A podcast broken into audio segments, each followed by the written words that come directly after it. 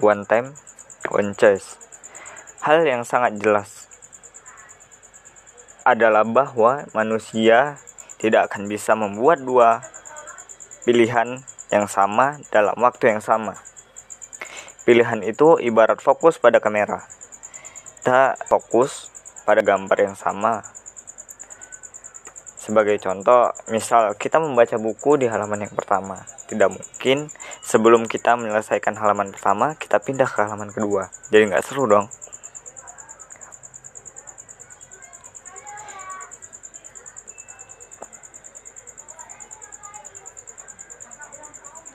bisa gini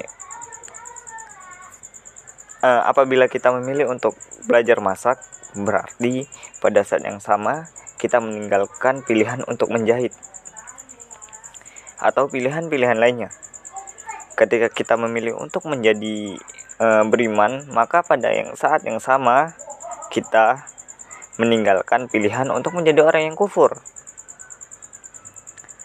Apabila kita taat kepada Allah pada saat yang sama kita tidak mungkin bermaksiat kepada Allah. Orang yang memilih memasuki surganya maka pada saat yang sama dia tidak akan terhindar memasuki nerakanya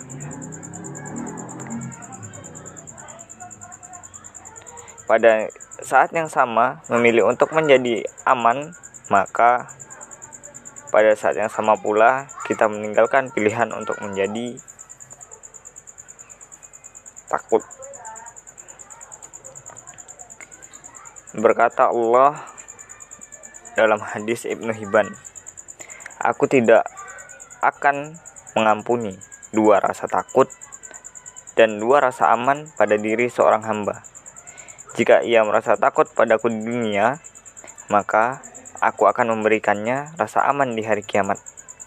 Jika ia merasa aman dari dunia, maka aku akan memberikan rasa takut kepadanya di hari kiamat.